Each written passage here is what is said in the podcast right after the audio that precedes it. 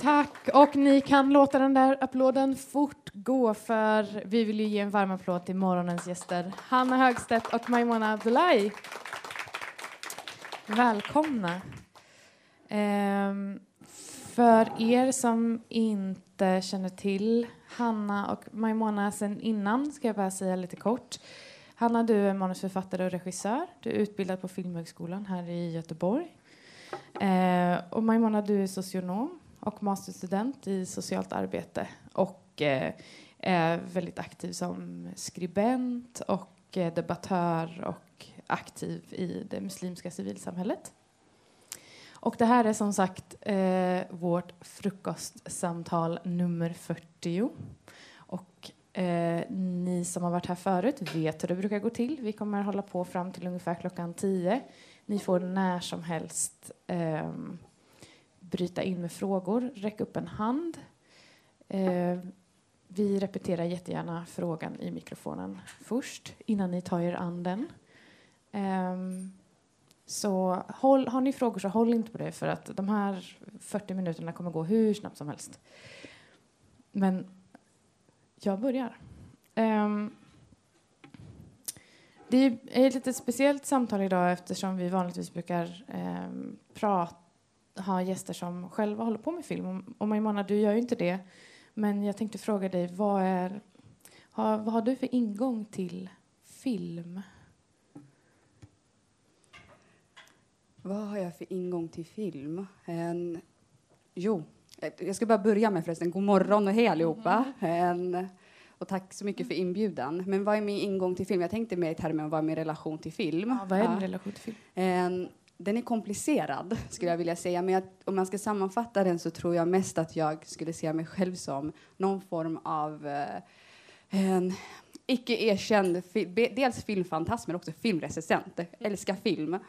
Eh, men framförallt så bottnar det väl i att alltså den relationen skulle jag säga präglas väldigt mycket av både så ambivalens men också frustration i termer av vad som gestaltas i film, vilka kroppar det är som syns, vilka berättelser det är som då förmedlas via film, vilka relationer det är som både direkt och indirekt förmedlas kan eh, uppstå eh, och hur de ska förstås. Hur, och att film också faktiskt framför allt är ett slags, eh, vad ska man säga, ett slags dokument på hur samtiden ser ut.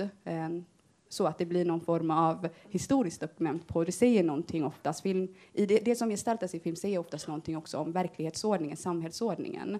Um, så att min, min relation till film utgår väldigt mycket ifrån det, att jag blir väldigt frustrerad, um, oftast, men också att jag har väldigt tidiga minnen ifrån för att filmscenen ser ut som den gör. Och det här tänkte jag nog inte på när jag var yngre, men jag har så tydliga minnen av min mamma som brukade sätta på det man kallar för, alltså på somaliska heter det ruayad. Ja, och det är någon form av både, det är en teateruppställning som filmas inför en publik, så att det, det blir själva filmen. Och jag fattade aldrig varför det här bara var på hemma hos oss i bakgrunden. Det bara sattes på, som om vi kommer hem, det sätts på. Så jag undrar alltid, jag tror inte jag tänkte på det så mycket förrän jag växte upp senare. Och vi hade diskussioner så här, kring de här referenserna för att det var så tydligt minne för alla mina syskon. Så här, ja, men minns ni? Skulle alltid vara på. Så när vi hade samtal med våra mammor när vi blev mycket äldre så var det ett väldigt, en väldigt tydlig strategi från hennes sida. För att hon ser vilken typ av film vi konsumerar. Och det är inte människor som ser ut som oss. Och det här är någonstans hennes strategi att visa på att det finns andra typer av berättelser, helt enkelt. Det här märker ju vi, ja, vad kan det vara, för fem, sex år sedan. Mm. Att det har varit en tydlig strategi. Så sammanfattningsvis, det skulle jag vilja säga i relation till film. Vi skulle kunna ha ett helt samtal bara om det här, känns det som. Um, Hanna, hur kom du är som sagt manusförfattare, regissör. Hur kommer det sig att du arbetar just med film? Alltså från början så hade jag nog inte tänkt att jag skulle jobba med film alls. Um, dels för att jag var en bokläsare av stora mått och uh, alltid liksom har identifierat mig mycket mer med litteraturen, tror jag. Uh, och, um, men också någonstans för att så här, apropå vilka bilder som sprids så var bilden av en filmregissör för mig extremt tydligt manligt kodad. Jag tänker att det har ändrat sig ganska mycket senaste jag vet inte, tio åren kanske, eller jag vet inte vad ni andra säger. Men, men eh, för mig var det verkligen en så här, det var inte något som en tjej kunde göra helt enkelt. Och då är jag ändå inte så otroligt lastgammal. Liksom. Um, och, uh, men sen var det som att jag uh, från att liksom ha läst väldigt mycket också började fota stillbild uh, och började spela teater. Det gjorde jag tidigare men började också så här, regissera egna saker och sätta upp saker eh, tillsammans med ihoptvingade kompisar. Eh, så därifrån blev det väl som att film på något sätt för min del blev något väldigt eh, sammansmältning av de olika mm, formerna eh, av berättande som jag tyckte om på olika sätt. Eh, och sen så är det också en, en sak med film som jag älskar lite extra mycket och det är eftertexterna. Jag tycker att det är så fantastiskt, den där liksom känslan av att här, kollektivt ha upplevt någonting och sitta i ett rum och så bara ser man alla som har varit bakom och gjort någonting tillsammans också. Att det där liksom, samarbetet, att inte bara sitta själv på kammaren är någonting som jag tycker väldigt mycket om. Um, Hanna, du har regisserat en dokumentärfilm som heter Burka Songs 2.0 och Ehm, ett projekt som också har växt och handlar nu väldigt mycket om de samtalen som ni har om filmen. Det här är ett sådant samtal. Eh, och de här samtalen har du genomfört eh, bland annat med dig, Maimona, och också med Fatima Dubakil. Och Eh, det här samtalet kommer ju kretsa ganska mycket om, om just den filmen. Um, och jag undrar lite, hur många här har sett Burkasongs 2.0? Upp med en hand. Ja, men det är ändå en, det är halva, minst i alla fall. Um, Maimona, skulle du kunna beskriva filmen och vad, eh, vad filmen handlar om? Hanna, jag är ledsen nu om jag kommer... Hanna, du kan... Du kan få fylla i. Ja, precis. Ja. Eh, nej, men vad, vad, filmen handlar om.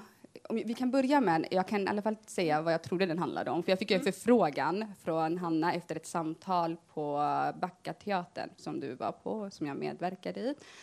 Um, och så kom Hanna upp och sa, men jag, håller, jag har, ja, berättade om Berkeson, så att hon är filmregissör och, och så hör jag titeln och jag tänker så här, alltså, jag orkar inte. Och inte för att jag tänker, jag orkar inte. jag tror att min reaktion var att jag precis hade haft ett samtal om svenska hijabis-föreställningen och att det hade varit en alltså jättestor debatt som oftast är i relation till muslimska kvinnor och slöjan. Så var jag lite så här, kan vi aldrig någonsin bara förekomma i ett annat sammanhang än där vi pratar om vår slöja?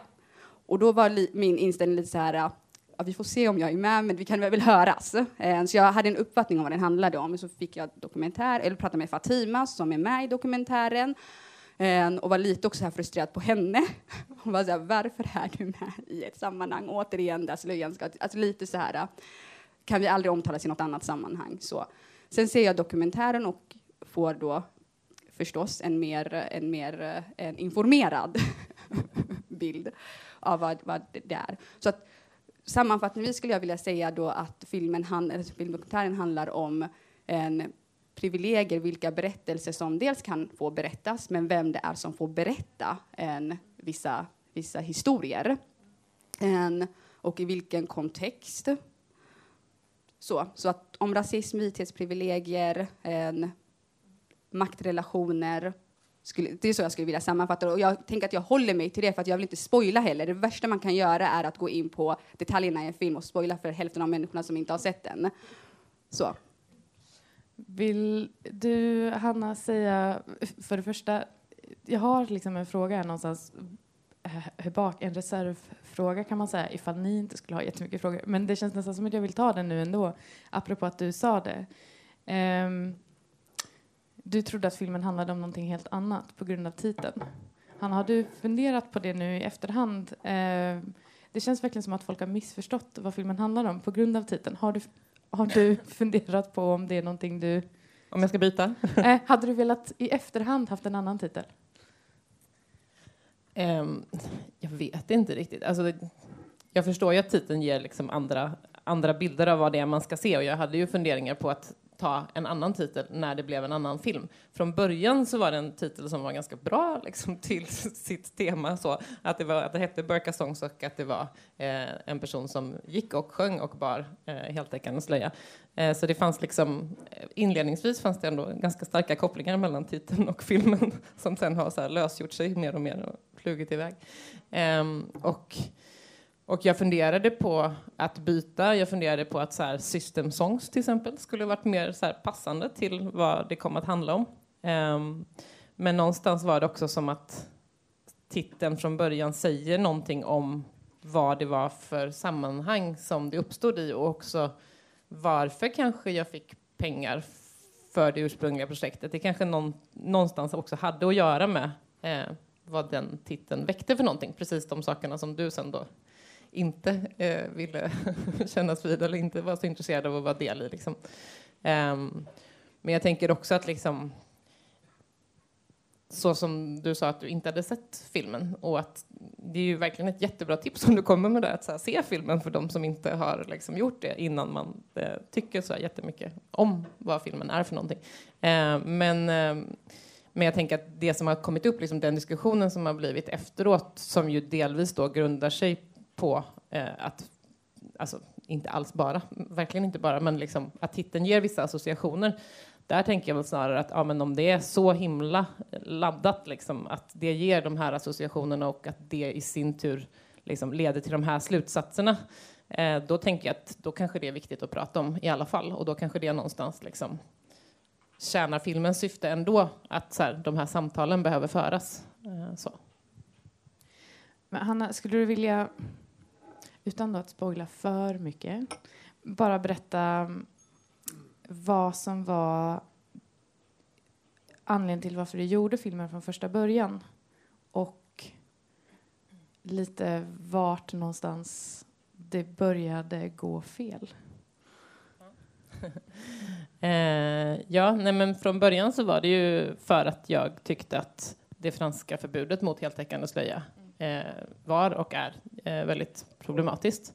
Eh, både liksom hur det riktar sig mot en grupp, vad staten egentligen ska gå in och bestämma, eh, vilka strömningar i ett samhälle som gör att man kan liksom skapa en klädlag riktad till en grupp på ungefär 2000 pers i en liksom, befolkning på 60 miljoner. Eh, och liksom, där, där började det. Eh, och min ingång till det var också att liksom en längre eh, bakgrundshistoria med att jag var tillsammans med en fransk tjej i ganska många år och vi hade väldigt mycket diskussioner om slöjan och eh, liksom eh, den franska synen eh, som jag då tyckte var problematisk. Eh, de har ju haft mycket liksom, mer förbud tidigare, även i skolan och eh, sådär. Eh, även mot hijab då. Ehm, men, eh, men sen så började det ju gå fel ganska snabbt. Det, var ju liksom, det är inte så mycket spoiler i sig eftersom det händer, typ det första som händer, liksom att, att uh, jag kommer ner till Frankrike och bara känner att nej men, det här var jävligt jobbigt, det känns inte bra, det är någonting som skaver. Uh, och uh, det är mm. liksom... du står på Champs-Élysées ja. i en burka och ska sjung, sjunga den franska nationalsången. Och det som du tänker ska hända, att polis ska komma och föra bort dig. Det är inte det som händer. Nej. Um, och det är väl och det här liksom, det börjar, det här tvivlet. Um, hur, hur gick du tillväga för att börja nysta i det här, vad det var som inte stämde? Och hur kommer det sig att du inte bara la ner projektet? Eh, och gjorde någonting annat när du märkte att så här, ah, men det här blev inte riktigt som jag tänkte mig?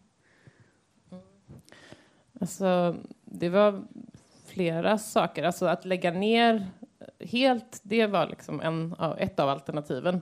Men då var det ju i så fall eh, också att här, lämna tillbaka de pengar som jag hade fått. Och någonstans så kände jag väl att men så mycket pratas det inte om de här frågorna och jag tycker fortfarande att det borde pratas om dem. Finns det något sätt som jag kan göra det på som inte blir eh, som, in, som blir bättre än det jag hade tänkt liksom? Eh, och ehm, ja, men, Athena sa, det var inte med i filmen nu i den slutliga versionen, men hon var någonstans där hon bara, ja, och så lämnas pengarna tillbaka och så går de till någon kille som vill ligga med en tjej som inte vill ligga med honom. Eh, och så tänkte vi att liksom, ja, men någon, någonting annat kanske vi ändå kan göra för de här pengarna liksom, som, blir, som blir bra, eller som blir bättre, eller som blir en början på någonting, eller en plattform för någonting. För det är nog mer så jag ser på filmen nu, som en liksom, plattform för samtal och liksom en eh, ja, men ett sätt att lyfta frågor som kan vara svåra att få syn på för att det är så inbäddat i mångas blickar och så... Ja, men så här, medan liksom när man ser mig stå där på, på Champs-Élysées så är det väldigt tydligt för väldigt många att så här, det här känns inte liksom, trovärdigt eller det känns inte bra. Eller det känns inte, alltså, och då var det ändå liksom jättemånga som tyckte att det lät som en jättebra idé på pappret. Eh, så så att där någonstans tänker jag att det ändå finns någonting som som går att använda sig av på något sätt för att, för att mm. kunna prata om de här sakerna. Mm. Um, fick du några reaktioner från finansiärerna när du bestämde dig för att göra en annan film än den du fått betalt för att göra? Mm, alltså när jag väl bestämde mig för att prata med dem som hade gett pengar, då eh, hade det gått ganska lång tid. Alltså, det här var ju min första film efter Filmhögskolan och jag var liksom ganska... Eh, alltså idag tror jag inte kanske att jag hade varit lika rädd för att så här, göra någonting annat.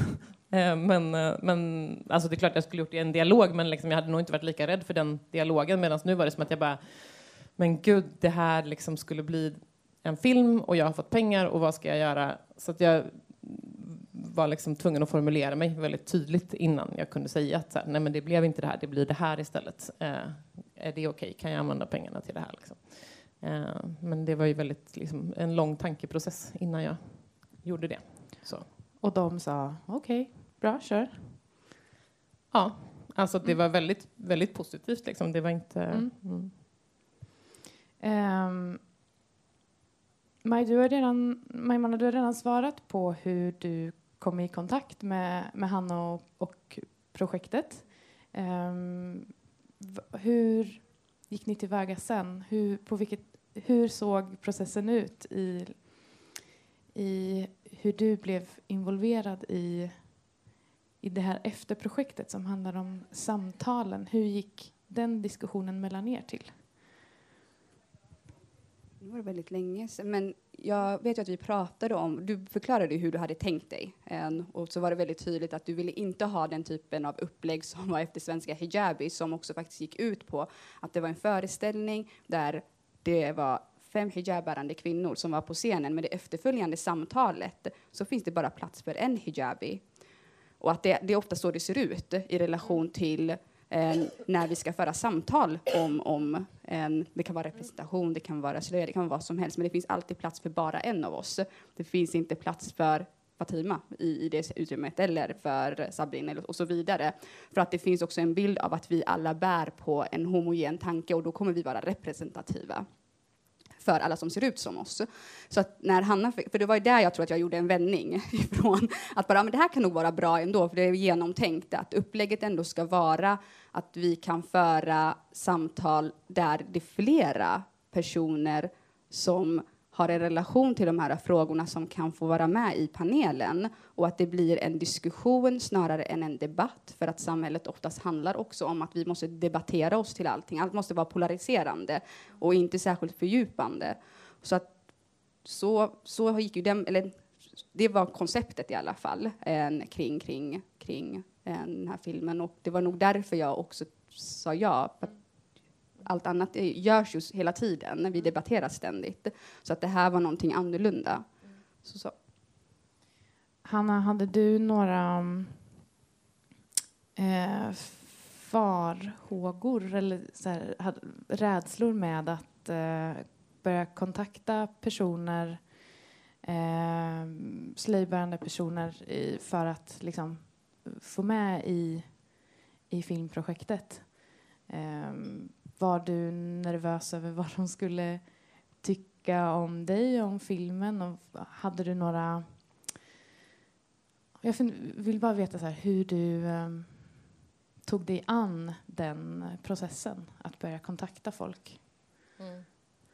Jo, men jag var jättenervös. Alltså, det kändes, det kändes som att, jag menar, jag hade ju redan förstått att jag var ute på djupt vatten, liksom, att, det inte var, um, att det inte var mina frågor och att sen då börja kontakta folk som, som faktiskt är den personen som är direkt berörd av saker.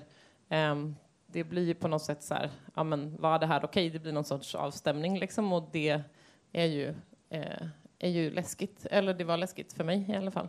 Um, och um, ja, men när det gällde Fatima, som nog var den första personen som jag kontaktade som själv bar slöja, så, så hade jag sett henne på några olika sammanhang eh, tidigare eh, och hade tagit kontakt också vid någon paneldebatt där hon var, var med.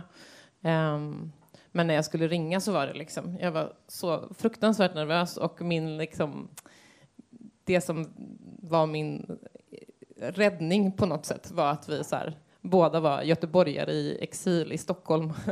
och det var liksom det vi pratade om på vårt första samtal.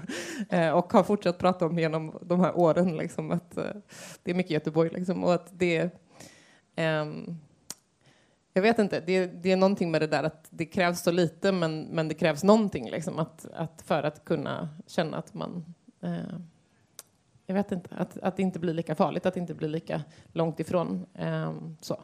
Men jag var jätte, jättenervös och jag tänker att ja, men hela processen med den här filmen så har jag ju varit eh, nervös för att de som själva är berörda ska liksom säga men vad håller du på med? Det här är så himla knäppt. För jag tycker ju någonstans att så här, ja, men det hade ju varit bättre om det var du som hade gjort filmen från början. Liksom. Det tycker jag verkligen.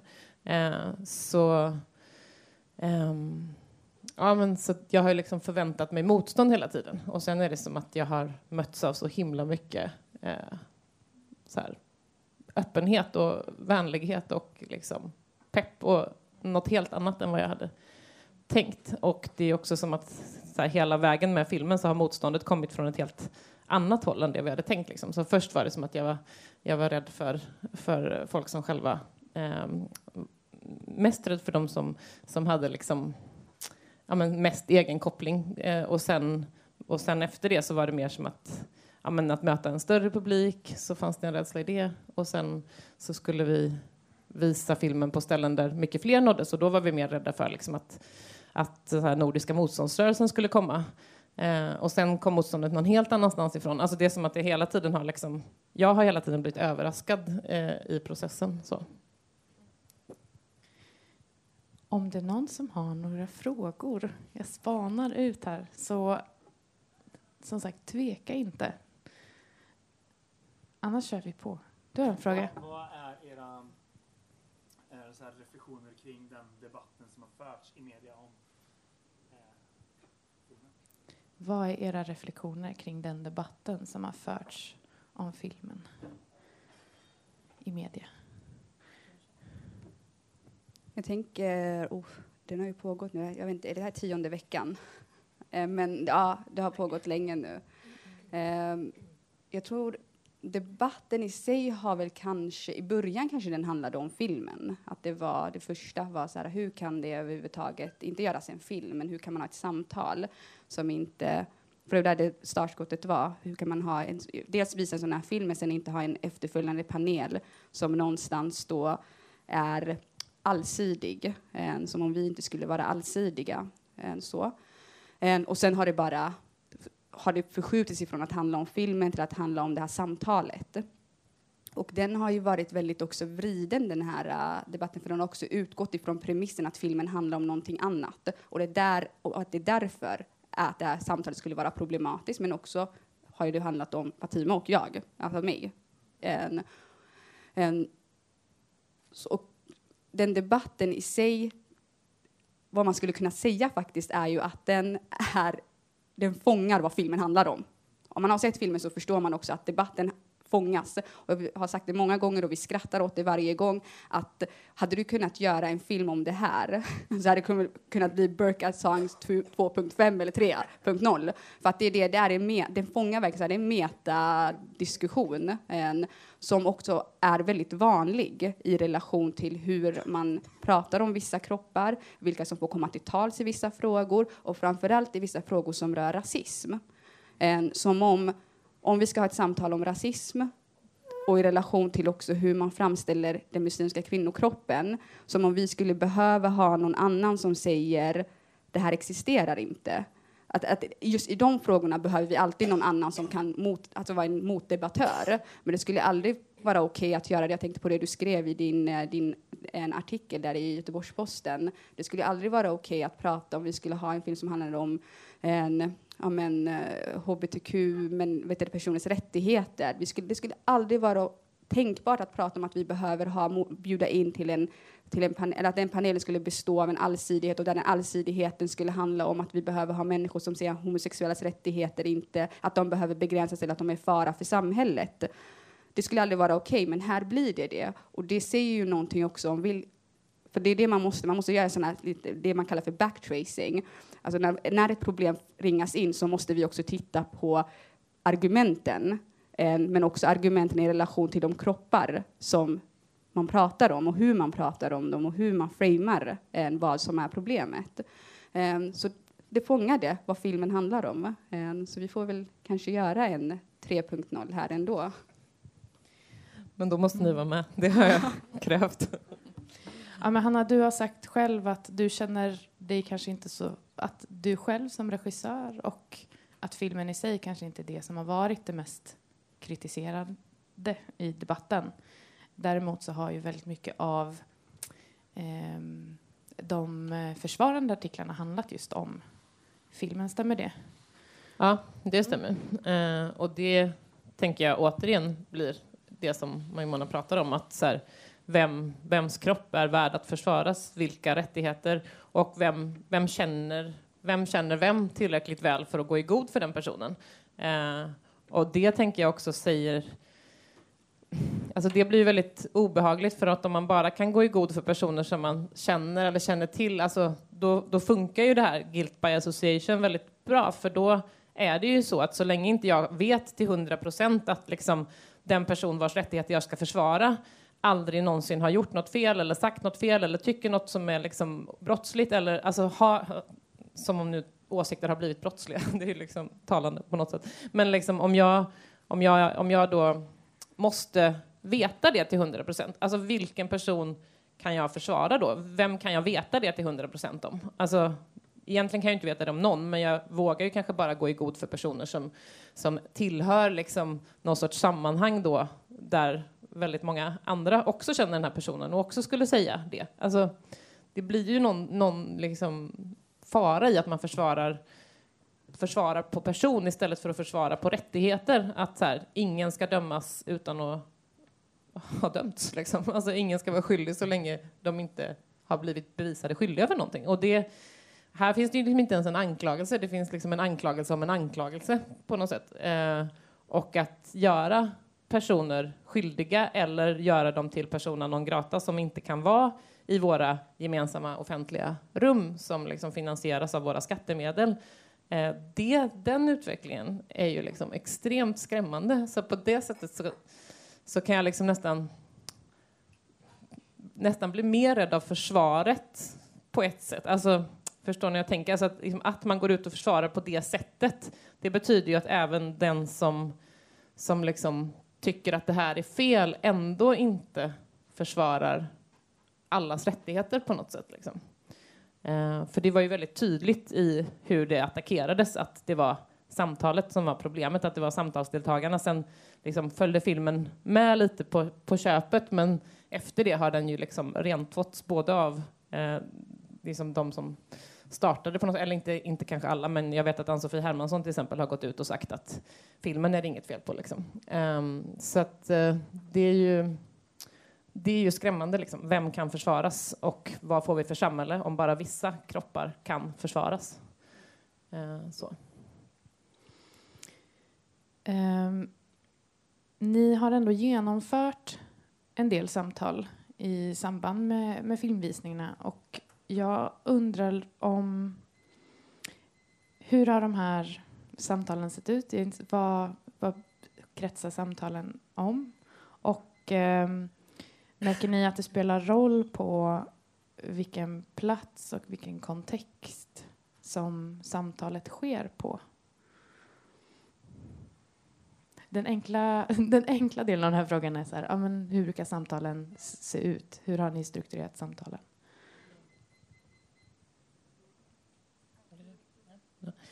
Um, nej men som, som Maimona sa så ville ju vi från början, och vi är då jag och Erkänna som sitter här som är medproducent i filmen som har varit eh, extremt delaktig i samtalsutformandet. Eh, så.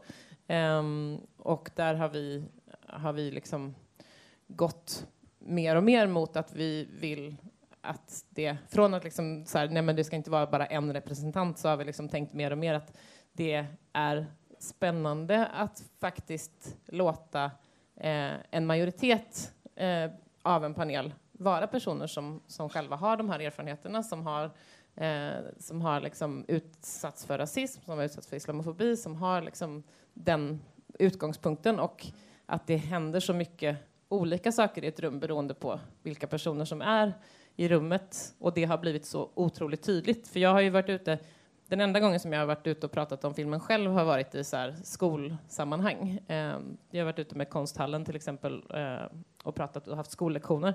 Eh, och det blir liksom, det blir ett annat rum, det blir andra frågor och det fokuseras på ett annat sätt. Och det blir på något sätt ändå återigen hur mycket jag än liksom försöker lyfta de här frågorna så är det fortfarande så att det är jag som står och pratar om dem. Det är inte Maimona som står och pratar om dem.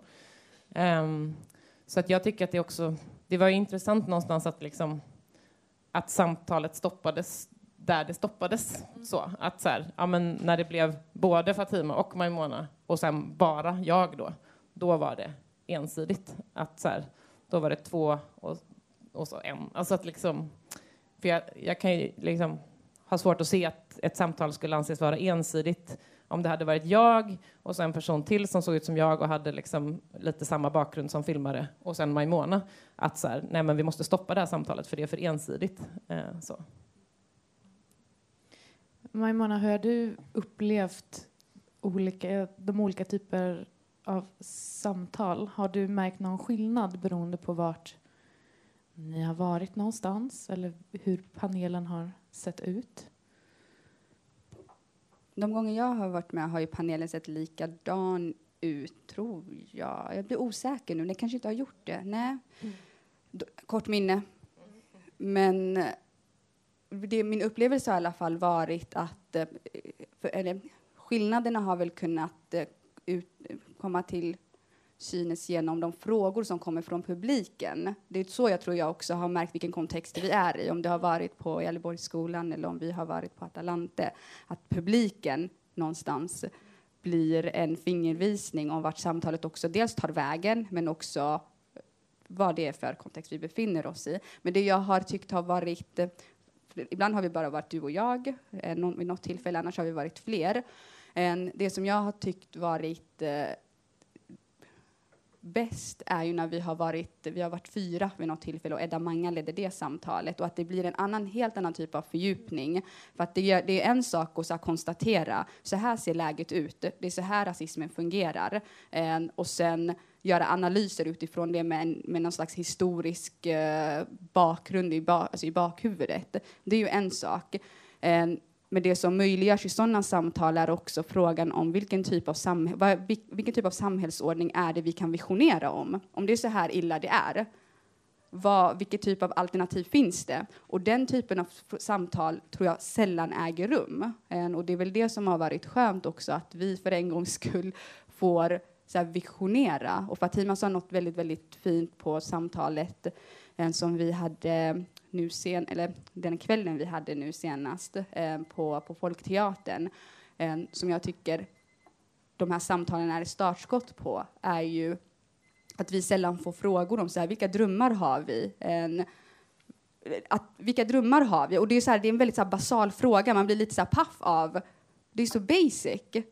Men att de här typen av samtal är startskottet på det. Ehm, och det, har, det, är det som jag nog tycker har varit det finaste i, i de här samtalen eh, överhuvudtaget. Ehm, så, ja. Jag tänker också att, att det har liksom känts som att samtalen har mycket mer än filmen kanske landat någonstans där jag har önskat att vi ska kunna vara. Alltså för att det har i många fall varit ganska eh, ganska blandade rum där vi har pratat, eller det har varit lite olika ska jag säga, men de som, de som gångerna vi har visat filmen och haft öppna publika samtal här i stan så har det ganska ofta varit en ganska eh, blandad publik, åtminstone mycket mer blandad än vad jag brukar se i stan när jag går på olika så här, kultursammanhang. Eh, Um, och att det också i publiken har uppstått samtal liksom, mellan folk som har så här, frågat varandra så här, men vad gör ni, vad vill ni, vad tycker ni att vi ska göra, vad ska, vad, vad, vad, ty, vad? Alltså att det har liksom funnits en öppning för ett möte eh, som jag har liksom saknat ofta. Um, och i det kan jag också känna då att, så här, ja, men att det är just ett sånt samtal som stoppas av alla liksom olika samtal som sker hela tiden i den här stan och i alla andra städer. Eh, så jag kan verkligen, verkligen önska att de personerna som tycker att det skulle stoppas skulle komma istället. Eh, och att, att det någonstans... Jag kan liksom inte låta bli att hoppas på att det faktiskt hade kunnat vara en öppning för andra samtal och liksom att den här stan behöver sådana samtal. Och liksom, ja, men, ju längre den här debatten fortgår, desto mer känns det ju som att vi behöver de samtalen, vi behöver de rummen som inte går ut på att vi ska stå och liksom slå varandra i huvudet med olika argument, utan som faktiskt handlar om att lyssna på varandra och som handlar om att så här, men du kan ha erfarenheter som jag inte har och jag kan lära mig någonting av att lyssna på dem. Eh, och det tänker jag har väl varit liksom den plats som jag tycker att men den platsen kan jag ha, eller den platsen kan jag ta.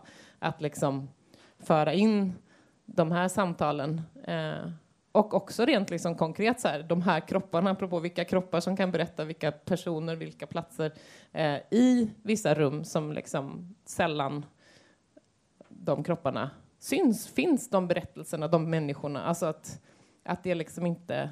Eh, och att det har handlat om både oss som har varit i panelen, men också om en publik som, som man liksom pratar om att man vill nå olika grupper och vill nå andra personer och så, men, men eh, jag tänker att det handlar om vad man visar. Vi har inte haft några som helst problem att få en massa olika folk att komma till liksom, platser som de kanske aldrig har varit på förut. Och liksom, jag menar, när vi var på Atalante så jag, tror, jag vet inte om det var någon i panelen som bara, vart ligger Atalante? Var, var, alltså det så här, och liksom, då kommer det jättemycket folk till Atalante som inte har varit där eh, förut. Liksom. Eh, och det tänker jag också är så här, ja, men en demokratisk fråga, att de platser där berättelser berättas i staden ska vara platser som många personer känner att de har tillgång till eh, och att de blir speglade på.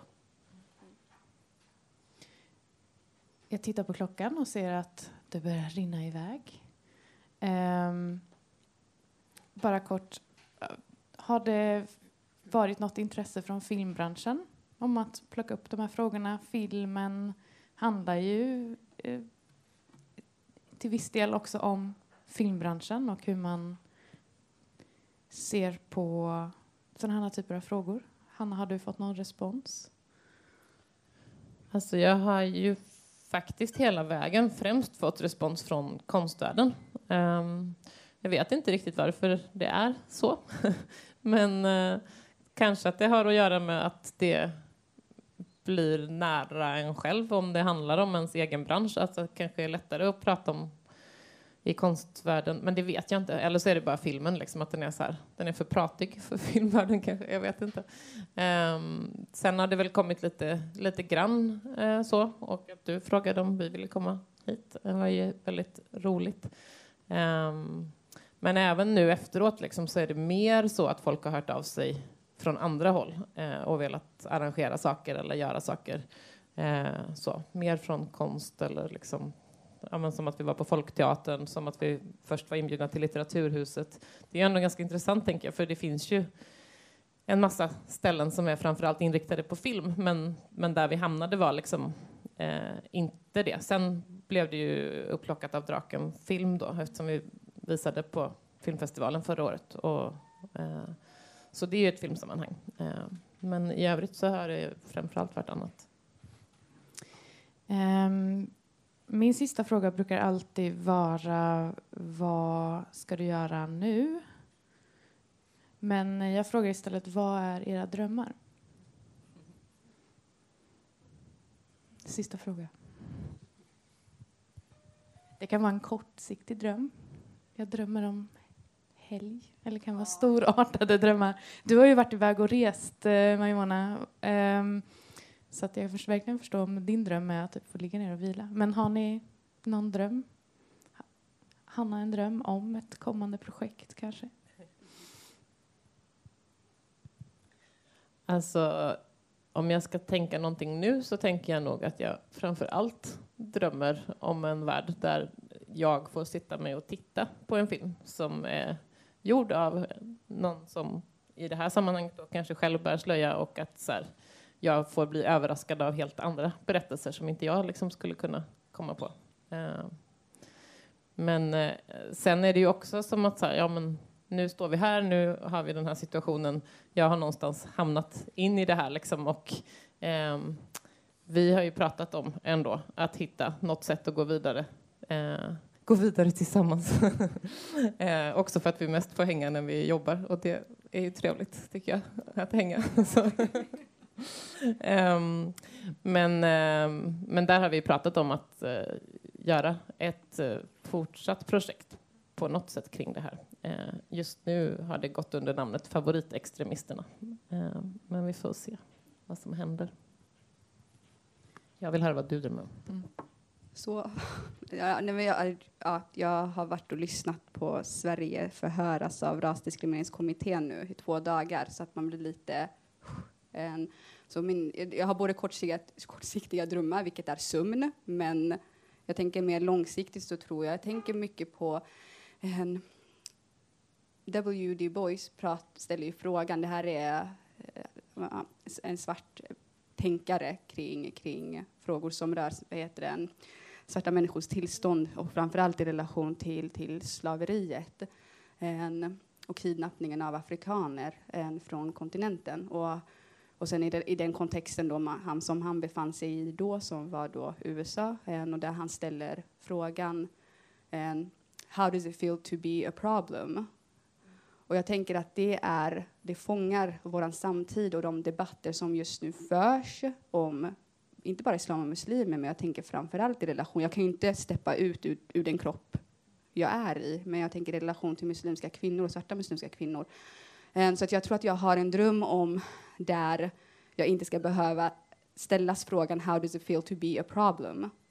tror jag är min långsiktiga dröm. En, så. Tack så jättemycket.